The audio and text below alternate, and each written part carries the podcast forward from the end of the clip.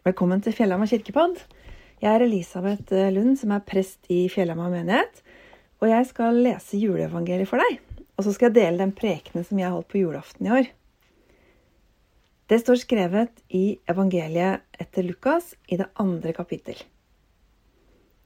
Det skjedde i de dager at det gikk ut befaling fra keiser Augustus om at hele verden skulle innskrives i manntall. Denne første innskrivningen ble holdt mens Kvirinius var landshøvding i Syria, og alle dro av sted for å la seg innskrive, hver til sin by. Josef dro da fra byen Nasaret i Galilea opp til Judea, til Davids by Betlehem, siden han var av Davids hus og ett, for å la seg innskrive sammen med Maria, som var lovet bort til ham, og som ventet barn. Og mens de var der, kom tiden da hun skulle føde og hun fødte sin sønn den førstefødte. Hun svøpte ham og la ham i en krybbe, for det var ikke husrom for dem. Det var noen gjetere der i nærheten som var ute på marken og holdt nattevakt over flokken sin. Med ett sto en Herrens engel foran dem, og Herrens herlighet lyste om dem. De ble overveldet av redsel. Men engelen sa til dem, Frykt ikke. Se, jeg forkynner dere en stor glede, en glede for hele folket. I dag er det født dere en frelser i Davids by. Han er Messias, Herren. Og dette skal dere ha til tegn. Dere skal finne et barn som er svøpt og ligger i en krybbe. Med ett var engelen omgitt av en himmelsk hærskare som lovpriste Gud og sang Ære være Gud i det høyeste og fred på jorden blant mennesker Gud har glede i. Da englene hadde forlatt dem og vendt tilbake til himmelen, sa gjeterne til hverandre. La oss gå inn til Betlehem for å se dette som har hendt, og som Herren har kunngjort for oss. Og de skyndte seg av sted og fant Maria og Josef og det lille barnet som lå i krybben. Da de fikk se ham, fortalte de alt som var blitt sagt dem om dette barnet. Alle som hørte på, undret seg over det gjeterne fortalte. Men Maria tok vare på alt som ble sagt, og grunnet på det i sitt hjerte. Gjeterne dro tilbake. De lovet og priste Gud for alt de hadde hørt og sett. Og alt var slik som det var sagt dem. Slik lyder Herrens ord. På julaften så holdt jeg denne preken på gudstjeneste utafor Lørenskog kirke.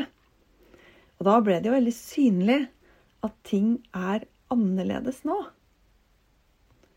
Alt er kanskje ikke sånn vi skulle ønske, men det er sånn det er. Både nå i jula og ellers i livet. Jeg vet ikke hvordan det er med deg, men jeg har i hvert fall Eh, i mange år vært litt for opptatt av at jula skal være perfekt. Jeg mener selv da at jeg, at jeg er mye mer avslappa nå, etter noen år. Eh, selv om jeg ikke er helt sikker på at familien min er enig når jeg innimellom blir litt sånn stressa og sur rett før jul. For å få alt klart, da. For det er noen ting jeg tror må være sånn det alltid har vært. Eller det må være sånn som jeg syns det bør være for at det skal bli jul. Jeg vet ikke hvordan det er med deg, om du også kan ha det litt sånn. Men både i fjor og i år så er det annerledes for mange av oss. Kanskje både på godt og på vondt. Og for noen så er jula ofte, eller alltid, annerledes enn de skulle ønske. Kanskje fordi én eller flere viktige personer mangler, eller av andre grunner. Sånne ting som er vondt i livene våre, blir ofte enda vondere når det er jul. Kanskje nettopp fordi mange av oss har forventninger om at vi skal ha det fint i jula. Men det er litt rart, på en måte, dette opplegget med den perfekte jula. Historien om den aller første jula er en historie om utrolig dårlig planlegging og uheldige omstendigheter. En overraskende altfor tidlig graviditet og så en tur på 16 mil til fots med ei høygravid dame fra Nasaret til Betlehem. Og når de endelig er framme, så er det bare rot med overnattingsmulighetene. Historien handler om en møkkete og kald stall, skitne gjetere som helt sikkert lukta svette og våt ull, og to kommende foreldre som gjorde det beste de kunne med de mulighetene som dukka opp. Livet er ikke alltid sånn vi skulle ønske det var. Men jeg lurer på om vi ofte tror at hvis vi bare gjør alt riktig, hvis svoren blir sprø, hvis vinduene er blanke og alle sitter pent på stolen og smiler, så vil alt bli bra. Kanskje vi tror på det før jul? Og kanskje ellers også? Men det er jo ikke sånn.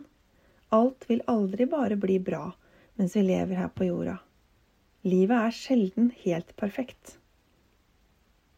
Alt er kanskje ikke sånn vi skulle ønske, men det er sånn det er både nå i jula og ellers i livet. Det jeg har lyst til å si, det er at jeg tror det er lurt av oss som ofte søker det perfekte, å gi slipp på det. Slutte å streve sånn og heller prøve å ta livet som det er.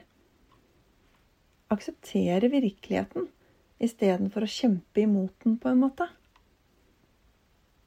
Kanskje vi i dag kjenner på et uendelig savn og bare vil gråte selv om vi tror vi må smile.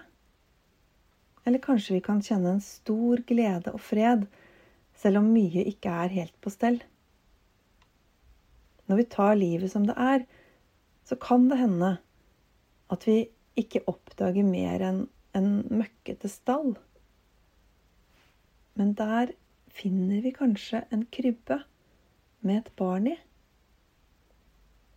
Julebudskapet er at Jesus kom selv om ingenting var gjort klart. Midt i alt rotet den første jula. Vi har en Gud som kommer til oss uten å vente på at vi har funnet ut av alt og gjort alt perfekt. Guds kjærlighet, som fant veien til stallen og krybben, finner også veien til oss. Midt i livet vårt sånn det er. Uansett. Det kan vi få hvile i. Istedenfor å jage etter det perfekte, kan vi få ta imot at vi er bra som vi er. Vi er elska. Vi kan få stoppe opp og prøve å åpne oss for det. Og kanskje det kan hjelpe oss til å åpne oss for nye ting, nye relasjoner, nytt håp.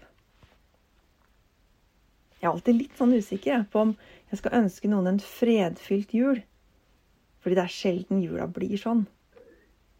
Men jeg vil ønske deg tro, håp og kjærlighet. Midt i all uro og alt rot. Midt i alt som er godt og alt som er vondt. Midt i livet sånn det er. Ære være Faderen og Sønnen og Den hellige ånd, som var og er og blir en sann Gud fra evighet til evighet.